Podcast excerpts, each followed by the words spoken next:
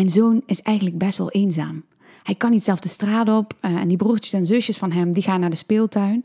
En dan komen kindjes langs om te spelen voor hen. Maar voor mijn zoon, ja, is dat eigenlijk niet zo. Je luistert naar Makkelijker Meedoen, de podcast. Samen ontdekken we hoe meedoen makkelijker wordt. Hoi, ik ben Maud Willems en mijn zoon Arje heeft een verstandelijke beperking. Het liefst ontmoet hij andere kinderen en speelt hij samen. Maar dat is soms best moeilijk. Want hij kan niet zelf de straat op of naar de speeltuin. Dus hoe kan hij dan meedoen? Door Arje's enthousiasme word ik aangespoord om hier werk van te maken. Ik deel in deze podcast verhalen over hoe het wel kan. Want je kunt elkaar alleen ontmoeten als je er bent. We duiken er weer in. Leuk dat je luistert. Welkom bij een nieuwe aflevering van Makkelijker Meedoen, de podcast. Ja, het is tijd om die lang verwachte eerste podcastaflevering te gaan opnemen. Ik ben Maud Willems en ik heb er heel veel zin in om dit eerste seizoen te gaan maken en van alles met je te delen. En ja, ik doe dit al in blogs en op social media, maar in deze podcast kan ik alles net wat meer uitdiepen dan dat ik dat met geschreven woorden kan. En ik kijk daar heel erg naar uit. Want waar we het over gaan hebben in deze podcast, over inclusie en meedoen, samen spelen voor kinderen met beperking of andere uitdagingen in de basisschoolleeftijd, ja, dat is gewoon best een kwetsbaar onderwerp. Niet natuurlijk wanneer je er als begrip over praat, maar wel wanneer je het over je kind hebt, voor wie dat niet vanzelfsprekend is en echte verhalen erover wilt gaan delen. Ik voel aan alle kanten hoe belangrijk het is dat we het hierover hebben. Zo kwam er bijvoorbeeld laatst een nieuw kindje mee voetballen in het G-voetbalteam waar Arje ook voetbalt. En ik praatte even met zijn moeder. En ze zegt tegen me: Mijn zoon is eigenlijk best wel eenzaam. Hij kan niet zelf de straat op uh, en die broertjes en zusjes van hem die gaan naar de speeltuin. En dan komen kindjes langs om te spelen voor hen. Maar voor mijn zoon, ja, is dat eigenlijk niet zo. En ik vond het zo ontzettend knap dat ze het zo deelde het heeft namelijk best wel lang geduurd voordat ik zelf zag dat dit voor Arje echt heel anders eruit ziet dan voor andere kinderen. Kijk, als je kind ongeveer 6, 7 of 8 jaar is, en hier bij ons in de buurt zie ik dat vaak nog eerder gebeuren, dan pakken kinderen zelf een fietsje en fietsen ze naar een vriendje of de speeltuin. Of ze fietsen gewoon zelf wat rond, of ze doen dit lopend en dan schooien ze gewoon lekker door de straat. Ontmoeten op die manier andere kinderen, komen hen tegen en dan ontstaat daar als vanzelf een spelletje. En dan wandelen ze van de ene naar de andere speeltuin of van het ene naar het andere huis. Voor Arje was, en is dit nog steeds, niet aan de orde. Niet alleen kon en kan hij niet zelfstandig fietsen, hij kan ook niet zelf ergens naartoe. Er moet altijd iemand bij zijn: een volwassene, een oppas, iemand met verantwoordelijkheidsgevoel. Want hij kan het niet alleen. Dat gaat niet, dat is te gevaarlijk.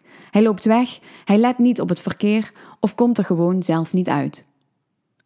Ik ontdekte dat Arje het echter geweldig vond om ook naar de speeltuin te gaan en daar anderen te ontmoeten. Om ook bij vriendjes op bezoek te gaan en daar te spelen. Om ook met kinderen bij ons thuis te spelen. Ook al kon hij dat niet zelfstandig allemaal doen. Ja, en toen ben ik gaan kijken naar hoe het dan wel lukt. Dus dat die moeder zo in één zin wist te benoemen mijn kind is eigenlijk best wel eenzaam, want hij kan niet alleen de straat op of de speeltuin in. Ja, toen dacht ik: dit is het precies. Het geeft precies aan hoe broodnodig het is dat we het hierover hebben. Want er zijn nog veel meer kinderen die door een beperking niet zelf de straat op kunnen. En dat jongetje uit het G-team zijn hierin niet alleen. Er zijn duizenden kinderen voor wie dat geldt. En die zitten dus na schooltijd alleen thuis en we weten vaak ook niet goed hoe we dat kunnen doorbreken of hoe we dat dan kunnen veranderen. En dan praat ik uit ervaring, want ja, ik kijk hoe het wel lukt, maar ik doe ook maar wat. Ik bedoel, ik kan me er dan in verdiepen en in de actie schieten en genieten van wat er ontstaat. Het wil niet zeggen dat dat de manier voor iedereen is of dat dat bij ieder kind past. Het is heel persoonlijk. Wel voel ik heel sterk dat ik hierover wil praten, dat ik het wil delen. Want stiekem is dit best wel een taboe. Het is kwetsbaar en er zitten heel veel oordelen op. Want misschien zie je anderen wel denken: wat zielig zo'n kindje. of, of, denk je zelf, net zoals ik uh, vaak gedaan heb, nou, ik weet eigenlijk niet of andere kinderen het wel leuk vinden om met mijn kind te spelen. of iets als: ik kan toch niet aan anderen vragen of mijn kind bij hun komt spelen? En dus heeft niemand het hierover. En ik vind dat we dat dus juist wel moeten doen. Want alleen dan kan er iets veranderen. Nou, wat gaan we doen? In deze aflevering vertel ik je het verhaal van een ontmoeting die heel veel indruk op me maakte. Deze ontmoeting zorgde ervoor dat ik geïntrigeerd raakte in meedoen en inclusie. Het maakte dat ik heel veel ging lezen. En vervolgens kwam ik voor mijn werk op congressen met hetzelfde thema. En langzaam durfden we daardoor andere keuzes te maken voor Arje. Keuzes ja, die eigenlijk niet echt voor de hand lagen. In deze aflevering vertel ik je wat het voor hem en voor de mensen om hem heen betekent. Nou, uh, misschien luister je nu als je kookt of als je wandelt of als je even lekker met een kop thee op de bank zit. Ik wil je gewoon even laten weten dat ik het bijzonder vind dat je luistert. Dus fijn dat je er bent. Ik hoop dat je van alles in mijn verhaal herkent en dat je je uitgenodigd voelt om je gedachten te laten gaan over meedoen, samen spelen en ja, misschien eigenlijk wel de opbouw van een sociaal leven voor je kind. En tegelijkertijd, als ik dat zeg, dan voel ik de ongemakkelijkheid in die woorden. Vooral natuurlijk dat zinnetje, de opbouw van een sociaal leven. alsof het niet oké is of zo, dat ik dat voor een wens en dat ik daar aandacht aan wil geven en moeite voor wil doen. Ja, dit is dus precies die kwetsbaarheid. Maar als ik nu te lang bij deze gedachte stilsta, ja, dan zal ik niets meer willen en durven vertellen. Dus uh, het is nu heel belangrijk dat ik dit uh, gevoel uh, heel snel à la Taylor Swift van me afschud. Doe vooral hetzelfde, want we gaan beginnen. De ontmoeting die heel veel indruk op me maakte, ga ik nu met je delen. Ik herinner me een tijd waarin elke ontmoeting beladen voelde. Mensen die Arje aankeken, niet wisten wat ze moesten zeggen of juist te veel zeiden. In de tijd dat Arje nog niets van mijn woorden begreep, hield ik me aan een vaste dagstructuur. Ik werkte als docent in het voortgezet onderwijs en Arje ging op die dagen naar het medisch kinderdagverblijf. Robert-Jan, mijn man, werkte fulltime. En ik hoopte dat ik de dagen zo voorspelbaar kon maken dat de kans dat Arje in een onbedaarlijk huilen zou uitbarsten, ja, dat die kans zo klein mogelijk zou zijn. Elke dag dat ik vrij was, wandelde ik met Arje in de wandelwagen naar de supermarkt. En de boodschappen legde ik dan onderin de wandelwagen. Arje kon namelijk heel lang niet zitten. Toen hij bijna 2,5 jaar was en dat moment eindelijk gekomen was, wilde ik het natuurlijk uitproberen. Boodschappen doen met Arje voor me in het winkelwagentje. Zoals alle andere ouders dat met hun kindjes deden. Ik was echt, ik was ontzettend opgetogen. Want naar dit moment had ik zo lang uitgekeken. Maar wat had ik me verkeken op de stevigheid van zijn rondbalans? Of ja, eigenlijk het gemis van die stevigheid. Want we waren nog maar net in de supermarkt toen hij al wat begon te mopperen in de kar. Ik besloot mijn boodschappen snel uit de rekken te pakken en liep vliegensvlug naar de kassa, terwijl ik Arje ondertussen suste met zachte woordjes. En met enige haast in mijn achterhoofd sloot ik achteraan in de rij. En daar stond een meisje van een jaar of drie met haar moeder te wachten. Het meisje keek naar Arje en ze bleef staren. Oh, dit is misschien een goed moment om je te vertellen dat Arje heel lang ontzettend scheel keek. Mama, zei het meisje, dat jongetje kijkt scheel. En die moeder die deed net alsof ze het niet gehoord had. En ik, ik deed precies hetzelfde. Arje die begreep toch niets van wat het meisje zei en ik was inmiddels ontzettend goed geworden in doen alsof. Maar dat meisje hield aan. Ze herhaalde de zin tot drie keer toe.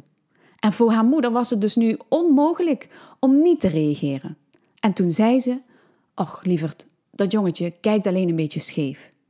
En ze zei het vriendelijk, maar ze deed haar best om mij niet aan te kijken. Ze legde de boodschappen op de band en het contact werd zonder meer woorden te spreken verbroken. Nou, ik rekende af en zette Arje, die inmiddels schreeuwde van onmacht, in zijn autostoel. En ineens besefte ik me dat dit het dus was. Zo zou de rest van zijn leven eruit zien.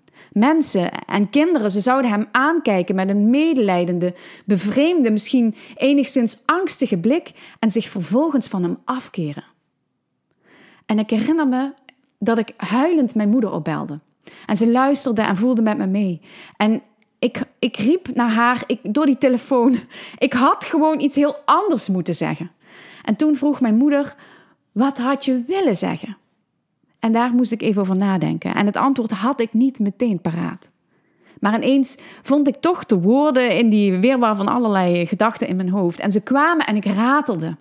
Ik had dat meisje willen zeggen dat ze het goed gezien had, dat Arje scheel kijkt, dat zijn mond open hangt en dat het lijkt alsof hij haar niet begrijpt. Maar dat dat zou veranderen als zij een liedje zou zingen. Want dan zou hij opleven en lachen en, en fladderen met zijn handen, want dat doet hij als hij enthousiast is. En zijn vrolijke kreetjes eh, roepen. Dat doet hij. En zij zou dat zien als een aanmoediging en gewoon het volgende liedje inzetten.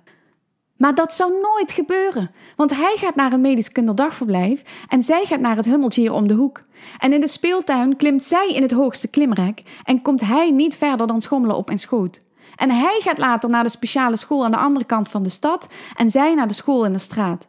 Dus hoe moet zij ooit uit zijn gefladder kunnen halen dat hij nog een liedje wilt horen, als ze nooit de kans hebben om elkaar te ontmoeten?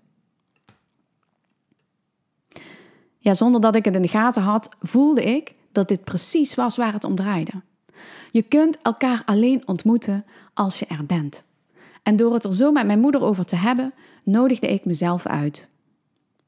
Ik nam me voor om me niet meer te laten overvallen door de volgende ongemakkelijke, beladen ontmoeting. De eerstvolgende keer zou ik een opmerking of gestaar zien als een uitnodiging. Ik zou het moment aangrijpen om het voor Arje en voor het andere kind waardevol te maken. Vanaf dat moment veranderde er veel. In de jaren na die ontmoeting in de supermarkt vierde ik Arje's kleine stapjes openlijk met mensen. Ik vertaalde zijn gedrag voor andere kinderen. Iedere vraag die we kregen probeerde ik zo goed als ik kon te beantwoorden, om vervolgens altijd te eindigen met: Hij vindt het leuk als jij uh, een liedje zingt, bijvoorbeeld, of hij geniet ervan als jij met dit doosje rammelt. Want mensen weten niet wat ze kunnen doen. Mensen en ook kinderen hebben vaak geen idee hoe ze contact met hem kunnen maken of hoe ze met hem kunnen spelen. En zolang kinderen in gescheiden werelden opgroeien, zal dit zo blijven, daar ben ik van overtuigd. Dus als we dit willen doorbreken, als we willen dat kinderen weten hoe ze contact kunnen maken, dan moeten we het blijven uitleggen. Ook zochten we naar een reguliere basisschool voor Arjen. En na een lange zoektocht vonden we die. Bij de kleuters kenden we een langzame opstart, omdat hij tijd nodig had om te wennen. Uiteindelijk heeft hij tot en met groep 8 daar op school gezeten en dat heeft hem heel veel gebracht. In een latere aflevering in dit seizoen kom ik daarop terug. Even geef ik je een kleine blik in de toekomst.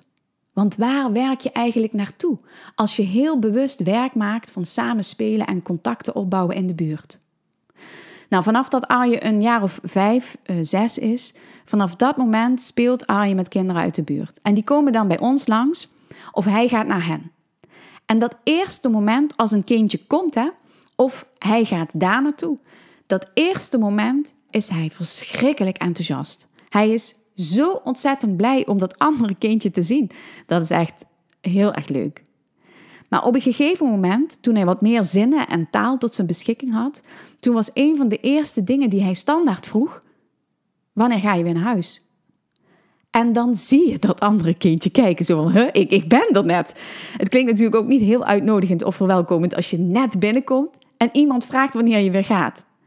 En dan legde ik dus uit Arje wil gewoon graag weten hoe zijn middag eruit ziet. Daarom vraagt hij het. En vervolgens spraken we samen over de tijd dat het kindje weer zou gaan. Maar hier stopt het niet. De grap is namelijk hè, dat zodra dat kindje weer komt en Arje dan uiteraard weer vraagt: Wanneer ga je weer naar huis? Ja, dat kindje kijkt daar niet meer raar van op. Die vertelt dan gewoon aan Arje hoe laat hij weer naar huis gaat. En nog grappiger wordt het, ik ben nog niet helemaal klaar, nog grappiger wordt het wanneer er een volgende keer een derde kindje bij is. En Arje weer vraagt, hey, hoe laat ga je weer? Dat dan dat tweede kind aan het derde kind uitlegt waarom Arje dat vraagt. En dan is het helemaal niet meer gek. Ik vind het zo frappant, maar zo werkte het dus met alles. Zodra we uitleggen, laten zien hoe wij ergens mee omgaan, uh, vooral dingen natuurlijk die andere kinderen of mensen tussen haakjes vreemd vinden, dan wordt het veel gewoner. Dan nemen we mensen mee en dan verspreidt zich dat als een soort van positieve olievlek. Laten we eens even kijken. Ik vertelde je over hoe belangrijk ik het vind om het over meedoen en samenspelen te hebben. Ook al is het moeilijk, want het blijkt een kwetsbaar onderwerp. De omstandigheden die meedoen moeilijk maken, zijn voor ieder kind en ieder gezin anders. Het kan de tragere ontwikkeling zijn wat betreft begrip, motoriek of de spraakontwikkeling, maar, maar bijvoorbeeld ook de vele ziekenhuis- en zorgafspraken. De mate van overprikkeling bij activiteiten of ontmoetingen, de toegankelijkheid of geschiktheid van de speelplekken in de buurt, het gegeven dat er altijd iemand mee moet om op pad te gaan, omdat het anders niet veilig is. Maar ook de locatie van de school kan een struikelblok zijn. En misschien is er na schooltijd geen tijd meer om te spelen, omdat je kind laat thuiskomt. Of kent je kind weinig andere kinderen in de buurt om eens mee af te spreken. Of is alle energie na schooltijd simpelweg op. Voor iedereen kan de reden waarom meedoen moeilijk is anders zijn. Als er iets is wat ik de afgelopen jaren geleerd heb, dan is het dat het niet vanzelf gaat. Soms hangt het zelfs van het toeval af of kinderen die in gescheiden werelden opgroeien elkaar kunnen ontmoeten. Denk aan de ontmoeting van Arje en dat meisje bij de kassa in de supermarkt. Ik weet inmiddels ook, onbekend maakt onbemind. Als je Arje niet kent hè, en je ziet hem lopen, dan vind je hem tussen haakjes vreemd. Dan voel je een, een drempel om hem aan te spreken. Of je doet het liever helemaal niet. Maar de grap is, iedereen die hem wel kent, twijfelt daar niet meer aan. In dit eerste seizoen van Makkelijker Meedoen, de podcast, duik ik in het samenspelen en die sociale contacten. En ik vertel hoe we dat voor Arje hebben aangepakt. Welke keuzes we hierin maakten. Waar we tegenaan liepen. Hoe regel je dat? Hoe doe je dat? En ik vind het vooral ook heel belangrijk om, het, om te benoemen, hoe voelt het? Ik geef je even een sneak peek. In aflevering 2 zoek ik uit hoe je kind nu kan meedoen als er eigenlijk altijd begeleiding of hulp nodig is. In aflevering 3 praat ik met Sylvia Dakkes. Zij heeft uh, al die negen jaren op de basisschool begeleid. En samen bespreken we wat geweldig goed ging, maar ook wat soms best wel even lastig was. Het is een heel open gesprek geworden, uh, nou, waar je gewoon eigenlijk even bij kunt aanschuiven. In aflevering 4 tackle ik drie misleidende overtuigingen die ik zelf geregeld denk en die ervoor zorgen dat meedoen ja, gewoon eigenlijk heel moeilijk wordt. Of misschien juist wel onmogelijk. Ik vertel je ook hoe ik met die overtuigingen probeer om te gaan. En ik zeg proberen, want eerlijk is eerlijk, dit is gewoon een proces. Maar zodra ik anders kijk, geeft het direct ruimte om meedoen te laten lukken. En ik kan me voorstellen dat het heel waardevol is om te horen. In aflevering 5 word ik zelf geïnterviewd door mijn vriendin en presentatrice Dianne Slijpen. Ik deel de drie tips van Arje over hoe hij verbinding met andere mensen tot stand brengt, zelfs hè, als ze zelf niet weten hoe ze dat kunnen doen. Hij doet dat zo automatisch en ik bewonder hem daarin. Ook hebben we het over mijn liedjesprogramma, waar Arje's verhaal onderdeel van uitmaakt. En tot slot aflevering 6. Dan ga ik in gesprek met lector en onderzoeker Beno Schapen uit Antwerpen. Hij weet alles over inclusie en kan dat prachtig vertellen. Uh, we maken het een heel persoonlijk interview door voorbeelden van Arje uh, en mijn eigen vragen die ik als moeder heb. Graag wil ik hier ook nog iets aan toevoegen, want in het kader van Be Careful What You Wish For, ik hoop een bonusaflevering te maken met daarin vragen van jou, de luisteraar. Dus heb je naar aanleiding van een aflevering een vraag, laat ze me dan weten. In de aflevering, in die laatste aflevering, ga ik natuurlijk anoniem om met je vraag. Waarschijnlijk is het zo dat de vraag die jij hebt ook bij een ander leeft. Dus stel hem vooral, uh, stuur me een, uh, een berichtje via Instagram, makkelijker meedoen. Of ga naar de website makkelijkermeedoen.nl en stuur me via de mail een berichtje. Heel leuk dat je dit eerste seizoen met me meebeleeft. Dankjewel voor het luisteren en tot de volgende. Superleuk dat je luisterde naar weer een aflevering van Makkelijker Meedoen, de podcast. Zijn er dingen die in je hoofd blijven spelen na het luisteren van deze aflevering? Of heb je vragen? Stel ze me.